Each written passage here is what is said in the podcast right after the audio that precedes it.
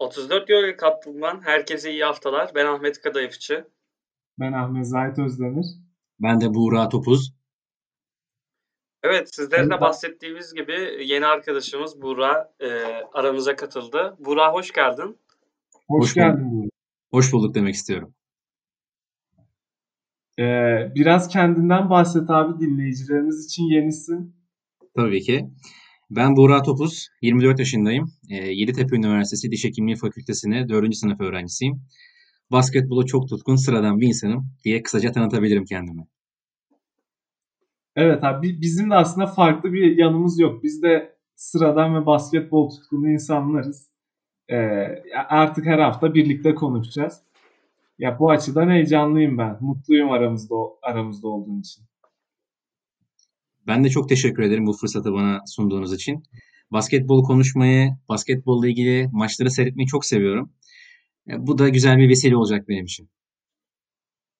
Öyle umuyoruz. Biz de tabii gelecek haftalarda da e, bu samimiyet pekişecektir. Dinleyicilerimiz de daha hakim olacaktır. Zamanla daha da tanıyacaktır diyelim. E, haftanız iyiydi umarım. Benim adıma e, vize haftamda biraz e, problemli geçti, zor geçti. Sizin nasıldı? Ben sözü Ahmet'e vereyim. E, ya benim biraz normaldi. Ben fazla maç izledim. Rahattım ama önümüzdeki hafta biraz kasılacağım gibi duruyor. Ben de araya gireyim. Ben de bu hafta ziyadesiyle yoruldum. 5 ee, tane sınavım vardı bu hafta. Bir 5 tane daha var önümüzdeki hafta. Aralığın 17'sine kadar böyle devam ediyor. Ben de sadece Fenerbahçe ve Efes maçını seyredebildim. Birazcık da Maccabi Milano'ya bakabildim. Evet, tüm ekibe sınavlarında başarılar diliyoruz. Teşekkür ederiz. Diye, diyerekten Efes maçına geçebiliriz. Ee, aslında geçen hafta hani hani sadece geçen hafta değil hani bu maça baktığımız zaman e, Efes'in eksiklerini de düşünürsek bu maçın fiziksel olarak zor bir maç olabileceğini Efes rotasyonunun ne kadar yetişebileceği üzerine bir kafa yormuştuk. Ee, ben açıkçası zor geçeceğini bekliyordum maçın. E, maç 9 farkla bitti ama hani bu biraz da son çeyrekte kapandı diyebilirim. Hani 3. çeyreğin sonu 4'ün başı gibi hani çok daha açılmıştı. E, forvetler e, geçen bölümlerden hep söylüyorduk forvetlerin skor katkısının ne kadar önemli olduğunu. E, dikkat çekici bir etkendi. Özellikle Adrian Muarvan üzerinde. E, genel özetlemek gerekirse bunlardan bahsedebilirim. Sizler neler düşünüyorsunuz? Ee, ben kısaca gireyim abi. Yani Efes'in e, şimdi Kızıl Yıldız'la oynaması bayağı zor. Kızıl Yıldız böyle sonuçlara çok yansıtamasa da her maçta sert bir oyun ortaya koyuyor ve Jordan Lloyd yani skor lideri, sayı lideri ama geçen hafta Barcelona maçında da düşük skorda kalmıştı. Yani maça getireceğimiz ilk yorum Jordan Lloyd'un savunması olmalı. Çünkü Johnny O'Brien ve Langston Hall da yoktu. Yani onların da rotasyonda biraz bir darlık söz konusuydu. Ee, Jordan Lloyd'u bu kadar az sayıda tutmamız ki hani ilk yarıda sadece iki sayı attı. Saha içinden isabeti yoktu. E, bu noktada çok önemli işler yaptı bence Efes. Özellikle ilk başta Anderson'ın onun üstünde işte fiziksel olarak onu yıpratması, zaman zaman Doğuş girdiğinde Doğuş'un yıpratması çok önemliydi. E, işin çünkü savunma tarafı biraz daha kritikti bence bu maç özelinde. Çünkü Kızıl Yıldız'ın çok fazla skor opsiyonu olmadığı için e, ve onların şöyle değişik de bir istatistiği var. Kaybettikleri maçta ortalama 66 sayı atıyorlar. Kazandıkları maçlarda 88 sayı atıyorlar. Yani onları düşük skorda tuttuğunuz zaman kazanma ihtimaliniz çok artıyor. E, bu yüzden bu maçın e, birinci anahtarı bence buydu. Zaten e, e, 4 numaradan Johnny O'Brien katkısını alamayacakları bir maç oldu. E, Jordan Lloyd'u da tutunca gerçekten çok zorladık onları. E, savunma tarafında enerji de çok yüksekti açıkçası. Burak sen ne düşünüyorsun? Ben aslında başka bir bakış açısı katmak istiyorum Efes maçına. Normalde milli takımın yani federasyonun bir kararı olmasaydı milli oyuncuların Belgrad'da oynamasıyla alakalı aslında çok farklı bir maç konuşacaktık. Normalde Efes'in 4 tane majör eksiği var e, Bryant Dunstan, Roderick Boboa ki Roderick Boboa'nın sakatlığına daha önce hiç denk gelmedim. Hani göz çukuru, kemiği kırığı. Yani Başka hangi oyuncunun başına gelmişti bu sakatlık çok merak ediyorum. Vasile Mitsic sakatlandı ve üstüne Tibor Plyce'a korona oldu. Bir de milli takıma giden 5 tane oyuncumuz vardı. Yani bunları topladığımız zaman yani Efes'in rotasyonu ziyadesiyle daralacaktı. Bu oyuncular özel bir izinle Belgrad'a gelince Ergin Ataman'ın da eli biraz daha rahatladı. Hani Larkin'den de katkı aldı. Burahan'dan da katkı aldı. Sertaş'tan da katkı aldı. Ya Tolga Geçim Tolga Geçim'den bile katkı aldı. Yani bile diyorum çünkü ana rotasyon dışında kalmış bir oyuncuydu Tolga. E, bunu ekledikten sonra şunu da söylemek istiyorum. Dış atışta Efes yani mükemmel bir istatistik yakaladı. Yani ben artık 13'ten sonra saymayı bıraktım. E, Adrian Muerman, Larkin, Anderson, Singleton yani artık takımdaki neredeyse herkes 3 metre yani 3 sayı çizgisinin gerisinden katkı vermeye başladı takıma. Bir de top trafiği mükemmeldi. Yani hücumda kimse bireysele dökmedi işi. Larkin e, bireysele dökmedi. Simon sadece ikili savunma, ikili hücumda kalmadı. E, Sertaç hani Veseli nasıl yüksek posta, yüksek forvetlere veya dip forvetlere servis yapıyorsa Sertaç da aynısını yaptı. Yani Efes bir önceki maçlarda yani Panathinaikos maçı olsun veya Maccabi maçı olsun hep 1-2 oyuncunun üzerinden galibiyeti elde ediyordu. Ama kim ki maçıyla beraber takım olarak reaksiyon vermeye başladı. Keyif veren bir basketbol oynadı Efes. Bence on numara bir galibiyet oldu. Kesinlikle abi. Ben şöyle evet, bir abi. bir yere dikkat çekmek istiyorum. Ee, Dunstan ve Plyce'ın yokluğunda 3. 5 numara olarak Sertaç oynadı. Ama Sertaç bu arada e, bu maçta sadece 15 dakika oynadı. E, burada biraz Chris Singleton'ın 5 e, numarada yaptıklarından e, bahsetmek isteriz diye düşünüyorum bence. E, geçen Abi, sezon Pardon sözünü kesiyorum. O konuda hani e, Moerman Singleton'ın hatta şöyle bir beşi söyleyeyim direkt. E, Larkin, Simon, Anderson, Moerman, Singleton. Yani bu maç hepsi 30 dakika üstünde süre aldı. E, birlikte oynadıkları süre 12 dakikaydı ve gerçekten e, e, bu beşe dikkat çekmek gerekiyor. Özür diliyorum. Hani sözünü kestim. Senden sonra bu konuda ekleyeyim. Evet evet. Ya ben de biraz da oraya gelmek istiyordum aslında. Singleton'ın bu 5 e, numaraya evrilen oyunu ve bununla kadar iyi yapabildiği hakkında e, şüpheler vardı bence e, bu maça kadar. Ki bence geçen haftayla beraber e, bence 5 numara pozisyonuna daha da alışmış gördüm ben kendisini. E, ki hücumda kendisinin 5 oynamadığı zamanlarda daha e, dışarı çıkabildiği anlarda üçlüğünü kullanabildiğini de gördük. E, neler düşünüyorsunuz Chris Singleton hakkında? Yani bu e, pozisyon eklemesi hakkında ne düşünüyorsunuz? Ona nasıl şeyler katacaktır? Abi bu biraz mecburiyetten gelen bir şey oldu. Yani tabii Dunstan Plyce yok. E, Sertaç'ın da Covid'den yeni döndüğünü söylemek lazım. O da form tutamadı. Hani o yüzden Moerman Singleton'ın beraber kullanılması biraz mec- mecburiyetle geldi ama ortaya konulan oyun özellikle bu tarz maçlarda hani hücum e, opsiyon sayısı kısıtlı olan takımlara karşı yani savunmada çok defekt yaratmayacaksa bu uzunlar hücumda ziyadesiyle artı yaratıyor. Çünkü e, Anadolu Efes'in muhtemelen katılacaksınız e, geçiş hücumunu ve pick and pop'ları iyi oynadığında durdurulmasının imkanı yok bence. E, bu maçta da 7 top çalmayla işte o üçlüklerin bir kısmı geçiş hücumlarına geldi. E, uzunların attığı üçlükler hep ikili oyunlar sonrası açılmaları sonunda geldi. E, tabii yeri geldiğinde işte alan paylaşımıyla da oldu ama Efes bu maç bu ikisini çok iyi yaptığı için Singleton'ın da parlaması biraz bu yüzden hani kendine alan buldu. E, aslında hani hep konuşulur ya böyle sakatlıkların bir kötü yanı vardır. Oyuncuyu kaybedersin ama formda olmayan oyuncu için de bir fırsattır. Singleton bu sene formda değildi ama e, bir, bir iki haftadır bir kıpırdanmaya başladı. Hani onun Muerman'la birlikte oynaması onun için hani senin dediğin noktaya geliyorum aslında. Onun Muerman'la birlikte oynaması biraz daha alan paylaşımı açısından da rahatlattığı için Efes'i. Bence o yüzden sivrildi biraz. Ben de şöyle bir ek yapmak istiyorum Singleton konusunda.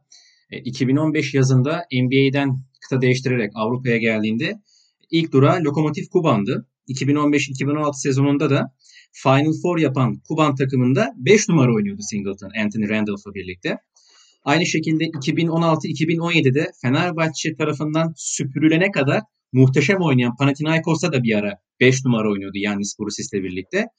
Aslında çok yabancı olduğu bir pozisyon değil Singleton'ın. Ama takımda Tibor Plyce ve e, Bryant Dunstan varken 5 numara oynaması çok da uygun olmuyor. Çok yabancı olduğu bir pozisyon değil ama uzun zamandır 5 numara oynamadığı için adaptasyonu biraz daha sıkıntılı olmuştu.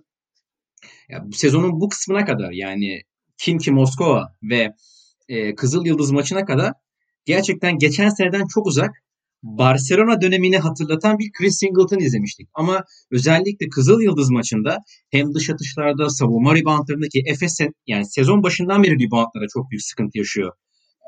Ama e, Perşembe akşamı hem savunma reboundlarında hem de hücum reboundlarında çok etkili bir Chris Singleton seyrettik. Aynı şekilde pick and roll oyunlarında Corey Walden'ın delici penetrelerine karşı çok büyük bir caydırıcılık e, örneği sunmuştu Chris Singleton. Bence gayet iyi bir maç çıkardı. Umarım e, zorlu fikstürde Aralık ayında da takıma çok yardımcı olur. Evet. Burak... Kesinlikle abi buraya ufak bir şey eklemek istiyorum.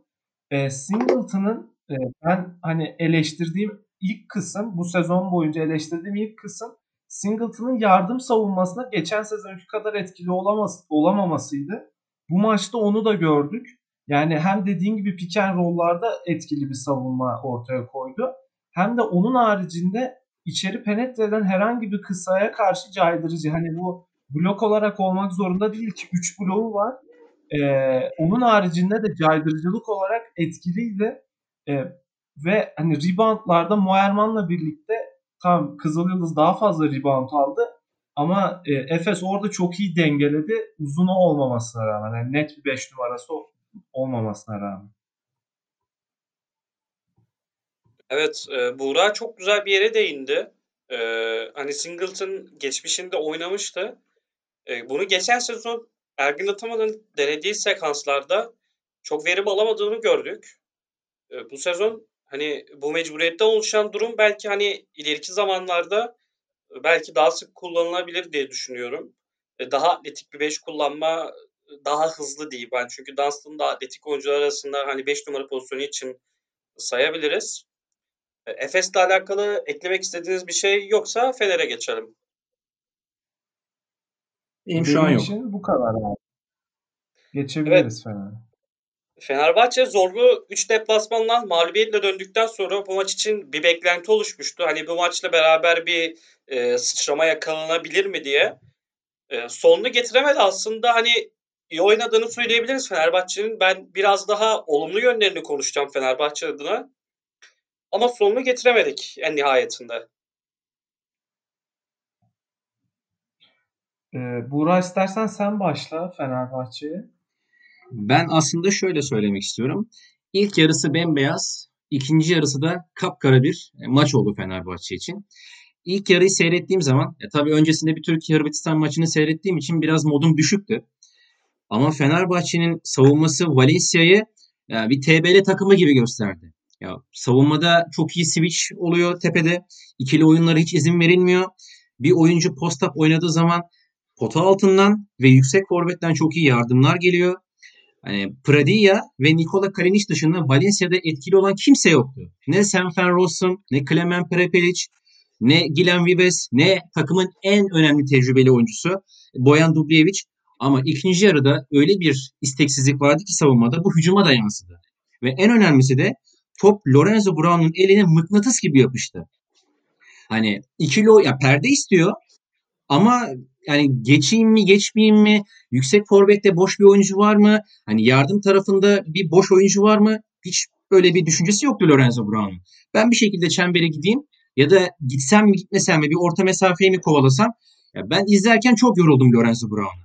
Yani Fenerbahçe adına bir Danilo Bartel, e, bir de Bobby Dixon bence isyan eden oyunculardı. Yan Vezeli bile çok etkisizdi. Hatta bir ara skor e, kaçtı? 77-76 idi Valencia lehine. Bir sayı öndeydi Valencia. Vezeli bomboş bir turnike kaçırdı orada. Ondan sonra faal yaptı Boyan Dublevic'e ve Fenerbahçe o süreçten sonra bir daha geri dönemedi. Yani Fenerbahçe ya diyoruz tam toparlanacak. Hani iyi bir grafik sergiliyor. Ama olmayacak hatalar oluyor. Yani ya da ya Kremen Prepelic örneğini vereyim en basitinden. 3-4 defa üst üste aynı setten sayı yedi Fenerbahçe. Hani bunu Euroleague'e yeni katılan bir takım yese amenna. Ama belli bir kültürü olan ve NBA'de tecrübesi olan bir antrenörün buna izin vermemesi gerekiyordu bence. Ya kesinlikle ben Burak'a katılıyorum. Özellikle Lorenzo Brown konusunda. Ee, ya maç sonlarını evet hani ikinci hani tam de, maç sonu diyemeyeceğim. ikinci devre hani daha çok oynadı topla. Bunu biraz Ceska maçının son anlarında da yapmıştı. Özellikle Nando De Colo işte ikizi teknik faalini alıp çıktıktan sonra ya bu inisiyatifi olan bir oyuncu. E, kadrodaki e, guard kıtlığına da baktığımız zaman e, bu kabul edilebilir ama yani bundan hani verim alamadığını artık kendisinde biraz anlaması gerektiğini düşünüyorum. Ki hani kafa kafaya giden bir maç. Yani üst üste mağlubiyetler almışsın.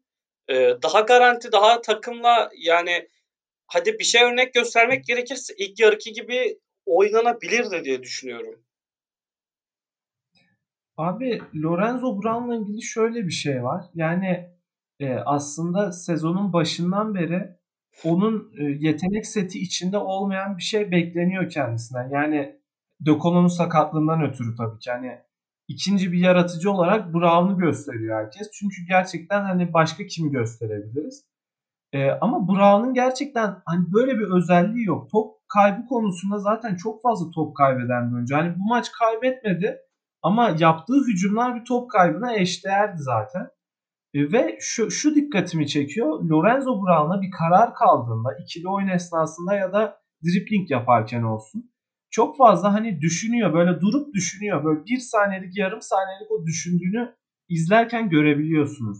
Zaten bu yarım saniyeler bir saniyeler o hücumun tamamen allak bullak olmasına yol açıyor. Yani Brown'un o açıdan e, ondan bunu beklemek zorunda kalıyoruz. Ama bu kadar da kötü olmaması lazım. Hani karar olarak mesela Dixon'ın işte şutuyla ön plana çıktığı anlarda kendi şutunu yaratma etkili olduğunu biliyoruz. Ama e, işte Prepelic örneğini verdi Buğra. Mesela Prepelic'in savunmasında da e, yanlış hatırlamıyorsam Brown onu tutuyor ardarda arda hücumlarda. Evet. E, yani mesela Brown'ın savunmasıyla ön plana çıkmasını da bekleyebilirdik. O, onu da bence pek göremiyoruz. Yani yeterince agresif olduğunu düşünmüyorum ben.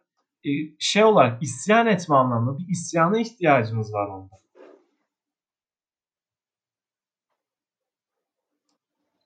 Ben aslında burada bir araya girmek istiyorum. Yani burada e, hedef okları e, çoğunlukla Lorenzo Brown'un üstünde ama e, bir bakıma ben haksızlık olarak görüyorum bunu. Evet Lorenzo Brown bu takımın bir numarası. Yani bir numaralı oyuncusu diyeyim. Guard rotasyonunda. Ama Fenerbahçe'de daha böyle SOS veren oyuncular da var. Yani bunların başında bence Edgaras Ulanovas geliyor. Yani bugün e, daha doğrusu pardon bir önceki gün ne Nikola Kalinic karşısında ne de eşleştiği diğer oyuncular karşısında hiçbir şekilde e, etkinlik yaratamayan ve kendisinden bekleneni sezon başından beri veremeyen bir oyuncu bence kullanamaz. Aynı şekilde Westerman da öyle. Yani Westerman Fenerbahçe'ye geldiği zaman şampiyon CSK'nın kadrosundan gelen bir oyuncuydu. Hani öyle Euro Cup'tan ya da Euro Lig'in alt kademi takımlarından gelen bir oyuncu değildi. Yani bu oyuncuların Fenerbahçe'ye ne kadar katkı vereceği veya Fenerbahçe'yi ne kadar üst seviyeye taşıyacağı meçhul. Mesela Danilo Bartel bu sene takıma dahil oldu. Sakatlık yaşamasına rağmen hani maç temposundan uzak olmasına rağmen 4 numarada veya 5 numarada hangi pozisyonda oynarsa oynasın dış atışlarda, post-up'larda, reboundlarda elinden gelenin en iyisini sergilemeye çalışıyor. Yani yeterli mi? Soru işareti ama en azından bir çaba gösteriyor. Yani Ulanovas ne dış atışlarda ne post-up'larda ne geçiş hücumlarında hiçbir katkı veremiyor. Hani yazın... Abi ben burada e, araya girebilir miyim Ulanovas'la tabii, tabii, tabii. Çünkü şöyle bir şey var. Sezon başında aslında bunu kullanarak başladı Kokoşko. Yani Ulanovas üstünden ve Bartel'i de aslında daha çok e, sırtı dönük oyunlarda kullanıyordu Fenerbahçe. Ama gerçekten bu son süreçte Ulanovas'ın ne şutuna gidebiliyoruz ne sırtı dönük onu kullanıyoruz. Burada biraz ben Kokoşkova da aslında e, neden bunu yapıyor anlamıyorum. Biraz da ona yöneltmek gerekiyor bence. E, çünkü şöyle bir şey var. E, Ulanovas bunu top geliyor ve veriyor değil. Ulanovas oraya hiç gitmiyor. Bence bu bir, biraz koçun da e, bunu iletmesi gerekiyor takıma. E, ama savunma konusunda da Ulanovas'ın çok kötü olduğuna katılıyorum. Yani zaten onu, onun e, onun sürelerini Dechampierre'e verdi daha çok Kokoşkov maçın ilerleyen bölümünde.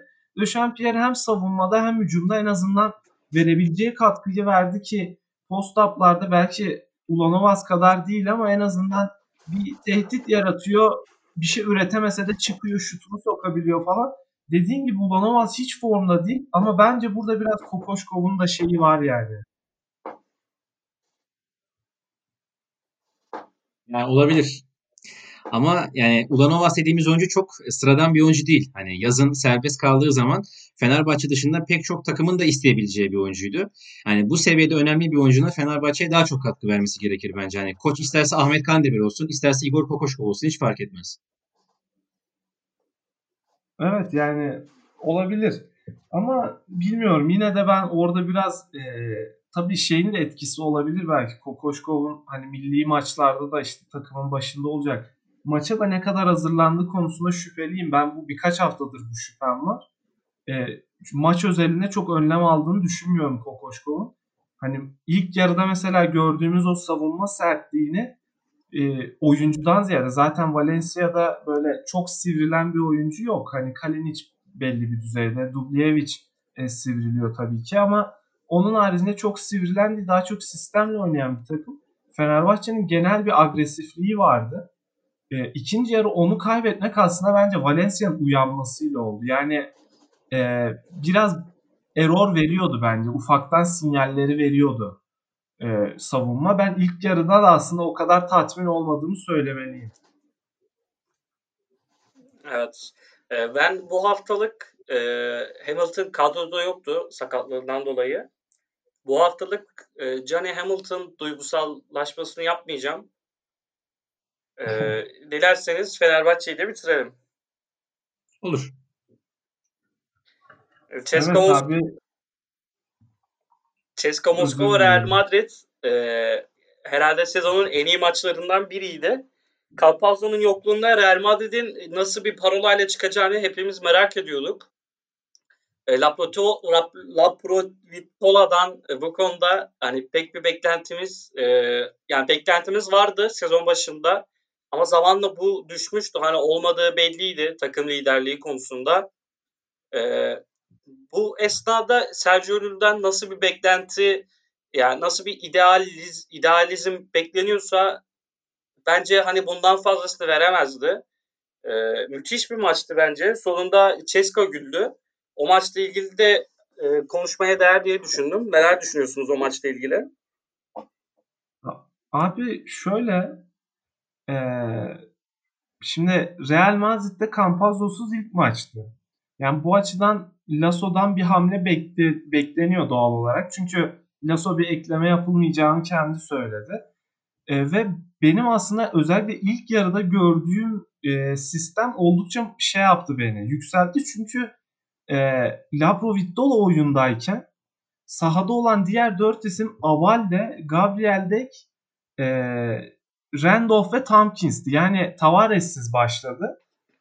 Laprovittola haricinde diğer dört isim hani Abalde savunmada sertlik katıyor. Hücumda çok bir şey yok. Ama diğer 3 isim e, hücumda çok büyük tehditler yaratan, alan açabilen, e, post-up yapabilen farklı opsiyonları olan oyunculardı. Bu yüzden e, hani Lül'ü de ilk 5'e koymayıp e, alabileceği verimi olabildiğince arttırma yoluna gitti. Bence çok da etkili oldu. Çünkü Tavares'i de Lül'ün yanına saklamış oldu Lasso. Ya bu açıdan bence maç planı çok güzeldi. Hele de e, Ceska gibi zor bir maça zor bir maçta böyle bir Campazzo'nun yokluğuna denk gelmek onun için şanssızlıktı ama bence maç planı çok iyiydi. Ee, yani Moskova'da yani Itudis çok böyle bir maç planı özelinde bir şey hissettirmedi bana. Savunma önlemleri bir tarafı hücumda işte Real'in tercihlerinden dolayı şey oldu. Şengelya ve Milutinov öne çıktı. Reboundlarda öne çıktılar. E işte bir de ikinci yarı bir Mike James gerçeği ortaya çıktı. Orada bence Campazzo'nun eksikliği biraz savunmada ortaya çıktı. E, bu şekilde yani ben aslında Real Madrid tarafında coaching olarak daha iyi görmeme rağmen e, Moskova, CSK Moskova 4 asist yaptı maçı kazandı. Mike James de böyle bir şey yani. Evet. Ya ben Campazzo kısmında bence eksikliğini E, görüntü olarak şöyle hissettim. Bence özellikle son çeyrekte Real Madrid kritik hücumları oynamakta biraz zorlandı yani. Bence yokluğu savun, savunma evet tabii ki. Ama hücuma da yansıdığını düşünüyorum ben topu yönlendirme konusunda ki maçın başına baktığımız zaman hani sen iyi bir plandan iyi bir planla başladığını söyledin Real Madrid'in. Evet plan iyiydi ama burada topun ne kadar döndüğü hani Campazzo'nun da yokladığında hani tabii bu beklenti biraz düşünecek, e, düşecektir. Real Madrid ilk çeyrek gayet skordaydı. Zaten 20-17 önde bitirdi ilk çeyreği. Ama top dağıtımı konusunda bence e, hani gözle görülür demek bence haksızlık olur. Ama bence bir fark olduğunu düşünüyorum ben. Abi o zaten olacaktı yani. O netti ve bunu CSK Moskova'ya karşı göstermedi Real Madrid. Bence bu açıdan çok takdir edilesi. Evet evet kesinlikle kesinlikle. Bura sen ne eklemek istersin? Ben aslında maçtan ziyade Real Madrid ile ilgili çok ufak genel bir şey söylemek istiyorum. Ee, şimdi guard rotasyonda Sergio Llull ve Nicola Laprovitola'nın öne çıkmasını bekliyoruz ama ben Nikola Laprovitola'yı San Antonio Spurs döneminden beri beğenmeyen bir basketbol severim. Bir ara Baskonya'da çok hype'landı. Ama en hype kısmı 2019 Dünya Şampiyonası oldu. Orada e, e, Skola ile birlikte bir çıkış yaptı. Gabriel Dek de vardı o rotasyonda. Ama Real Madrid'de yani 2019-2020 sezonunun başlamasıyla birlikte aslında ne kadar e, overrated bir oyuncu olduğu anlaşıldı. Ben e, Lazo'nun biz guard rotasyonuna ekleme yapmayacağız açıklamasını e, ticari bir hamle, bir pazarlık hamlesi olarak görüyorum. Hani Aralık ayında bence Real Madrid NBA'de kendine yer bulamayan bir tane guard oyuncusunu transfer etmek isteyecektir. Ama e, takımlara veya oyunculara, menajerlere hani biz aslında istemiyoruz da uygun fiyatta varsa bir oyuncu alabiliriz e, izlenimini vermek istediğinden e, kaynaklandığını düşünüyorum ben. Hatta Bradley Wanamaker Boston Celtics tarafından serbest bırakıldığında Real Madrid'in bir hamle yapacağını düşünüyordum ben. Yani öyle tahmin ediyordum. Ama e, Golden State Warriors'la anlaştı Bradley Wanamaker. Bence Wanamaker'a benzer e, bir oyuncu da katacaktır. Yani katmak isteyecektir daha doğrusu Real Madrid. Mesela evet, yani aslında... yetmez çünkü Lul. Lul yetmez tek başına. Aynen hani bu maç özelindeki plandan bahsettim. Çünkü şu anki ekleme yok. Ya belki zamanla e, dediğim gibi bir şey görmek gerekiyor. Çünkü e, hani şimdi bir kısa bir general hani sahada bir generaliniz yoksa yani ne kadar posta yaparsanız yapın alan açarsanız açın e, hani o top oraya git kendi yürüyerek gitmiyor yani onu birinin oraya iletmesi lazım. Dediğin gibi hani bu maç üzerinde işe yaradı. Belki biraz daha işe yarayacak ama bir yerden sonra Real Madrid'in hedefini küçültebilecek bir durum bu e, dediğin gibi aslında kovalayacaklardır. Evet, dilerseniz haftanın diğer e, bir kıran kırana geçen maçı Maccabi Milano'dan bahsedebiliriz. E, kafa kafaya geçen maçta uzat e, normal süresi 70-70 biten maçta e, Milano 86-85 e, mağlup etmeyi başardı Maccabi'yi. E, tabii e, maçın son anlarında Malcolm Delaney son sözü söyleyen isim oldu. E, Maccabi e, bir düşüşte diyebilir miyiz acaba? Hani kısa rotasyonun iyiliğinin yanında e, uzunlar hakkında bir ekleme yapmak ister misiniz?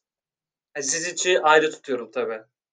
Maccabi bu arada hiç yükselmedi maalesef bu sene. evet. Ahmet sen yani, başla istersen. Ha.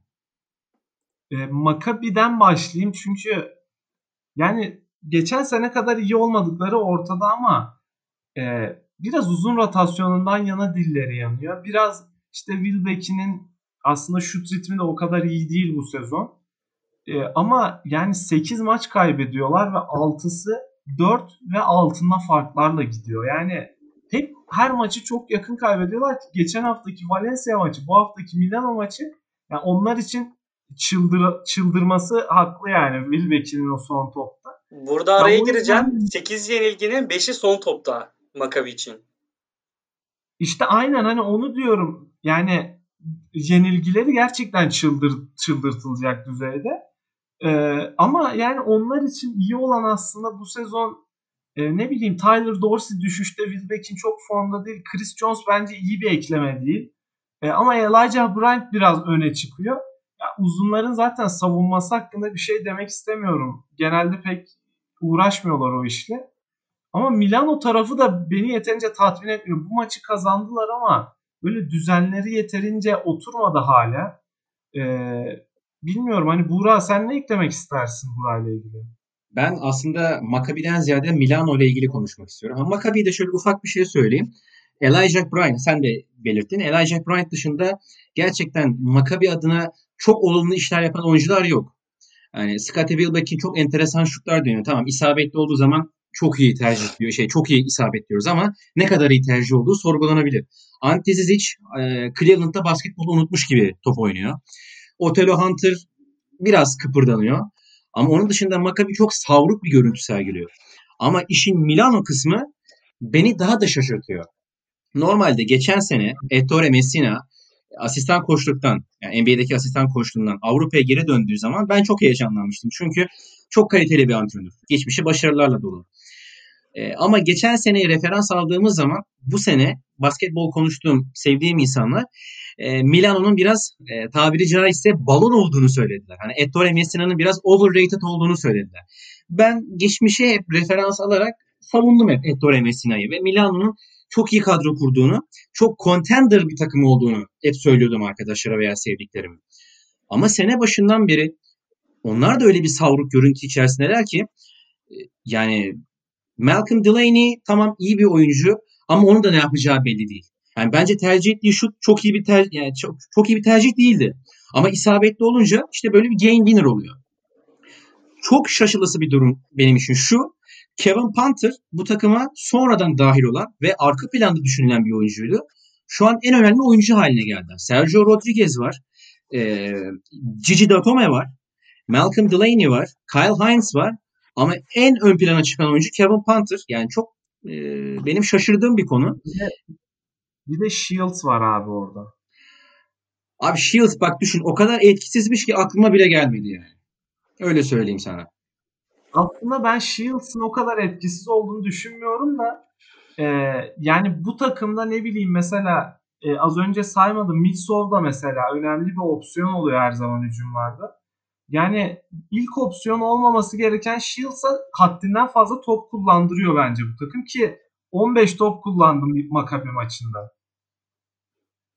Yani dediğim gibi aslında Milano'yu hücum anlamında taşıyan oyuncular yani tamam Malcolm Delaney de var ama Kevin Panther'ın bu kadar öne çıkması sezon başından beri biraz şaşırttı beni. Çünkü çok fazla Euroleague tecrübesi olan bir oyuncu da değil. Bir tek geçen sene oynadı.